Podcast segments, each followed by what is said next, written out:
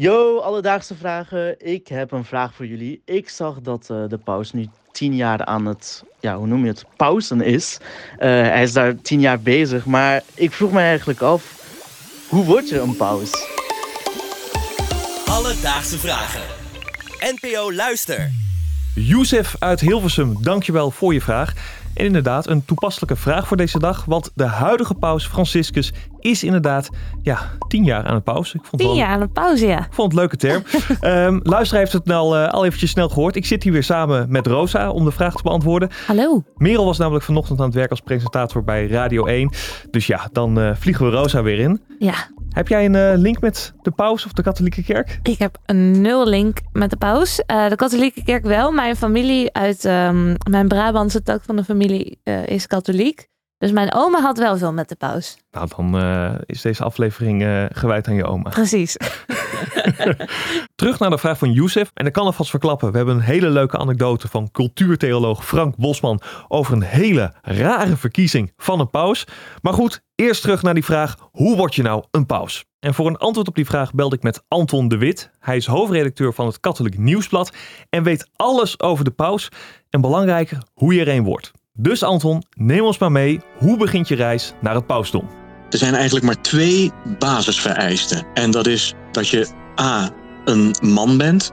Helaas eh, voor de vrouwen, maar zo geëmancipeerd is de katholieke kerk nog altijd niet. Dus je moet man zijn. En B, je moet uh, rooms-katholiek gedoopt zijn. Dus nou ja, ook de niet-katholieken, helaas. Maar goed, daar, daar kan iedereen wat aan doen, want je kunt altijd katholiek worden. Boe. Ja, ik zag je al eventjes boos kijken, Rosa. Ja, voor toch weer discriminatie. En dit net na de Dag van de Vrouw. Ja, denk, nou, ik weet dat de katholieke kerk nog niet uh, heel erg voorop loopt met dit soort dingen, maar dat vind ik toch jammer. Ja. Dat dit nog steeds niet kan. In die lijn, ik moet wel zeggen, ik heb gelezen dat de katholieke kerk op Internationale Vrouwendag wel heeft uh, aangegeven dat er sinds het aantreden van de huidige paus meer vrouwen dan ooit een functie vervullen binnen de katholieke Kijk, kerk. dat gaat de goede kant op dan. Ja, maar goed, Ja. paus worden zit er nog steeds Nee. niet in.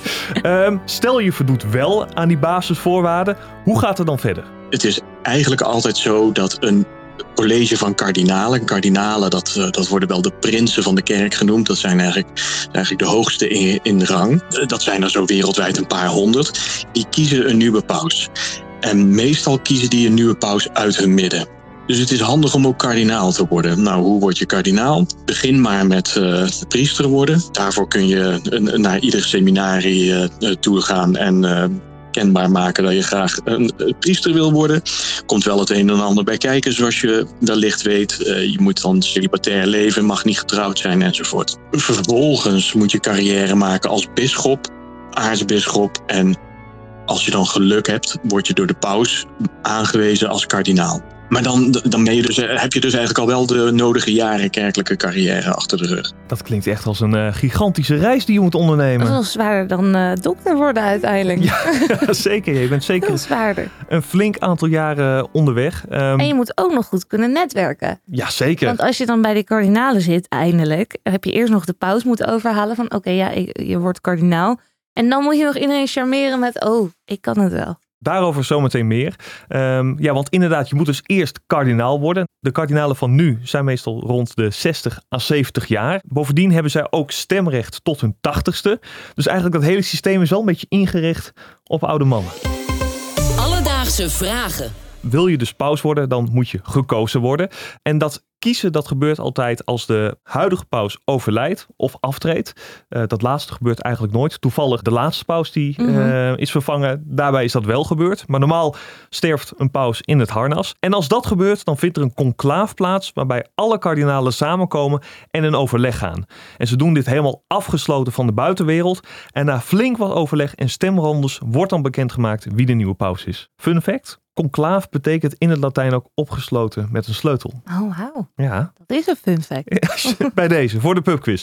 Ehm, maar goed, terug naar dat eh, conclaaf. Stel nou, jij bent één van die kardinalen en vindt eigenlijk dat jij zelf wel een geschikte paus bent.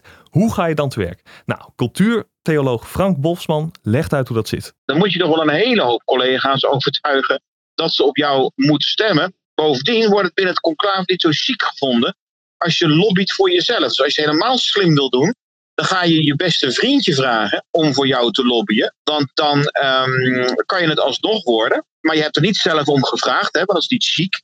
Eh, en als je dan eenmaal paus bent, dan kan je voor dat vriendje wat jou heeft helpen lobbyen, kan je natuurlijk misschien wel iets leuks terug doen. Het is net politiek. Er zit natuurlijk een uh, spiritueel gedeelte aan. Hè. Dus katholieken, inclusief ikzelf, wij willen graag geloven dat dit hele proces ook nog iets met God en de Heilige Geest te maken heeft. Dat de paus die gekozen wordt, hè, daar ook een beetje zit omdat God dat een goed idee vindt. Dat, dat wil ik graag vol blijven houden. Maar het is ook gewoon heel hard politiek werken. Ja, hier zit een hele lobby achter. Ik denk wanneer je zo'n grote instantie hebt, dat je er eigenlijk niet aan ontkomt Nee. dat er politiek bij komt kijken. Nou, tenslotte komen we terug bij de anekdote die ik in het begin al eventjes noemde. Frank die had een heel leuk verhaal over een verkiezing die wel op een hele bijzondere manier verliep. In de 13e eeuw was er een uh, concilie waar de kardinalen zo ontzettend lang erover deden om een nieuwe opvolger te kiezen. Dat ze het volk eromheen uh, het dak van uh, de vergaderzaal afgebroken hebben. En ze elke dag een beetje minder te eten gaven. En toen was het binnen drie dagen bekeken. Dus, Youssef, vandaag zochten voor je uit hoe je paus wordt.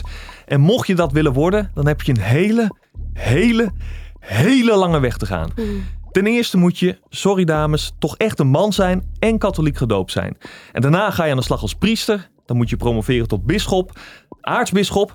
En met wat geluk word je dan door de paus aangewezen als kardinaal. En dan moet je nog voor elkaar krijgen dat de andere kardinalen op jou stemmen om paus te worden.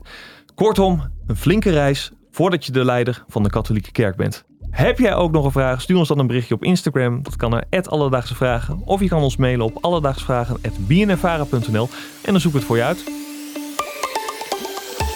Alledaagse Vragen. NPO Luister. BNN Vara. Bedankt voor de bloemen uit Nederland.